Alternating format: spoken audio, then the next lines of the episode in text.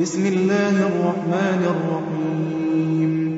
إذا زلزلت الأرض زلزالها وأخرجت الأرض أثقالها وقال الإنسان ما لها يومئذ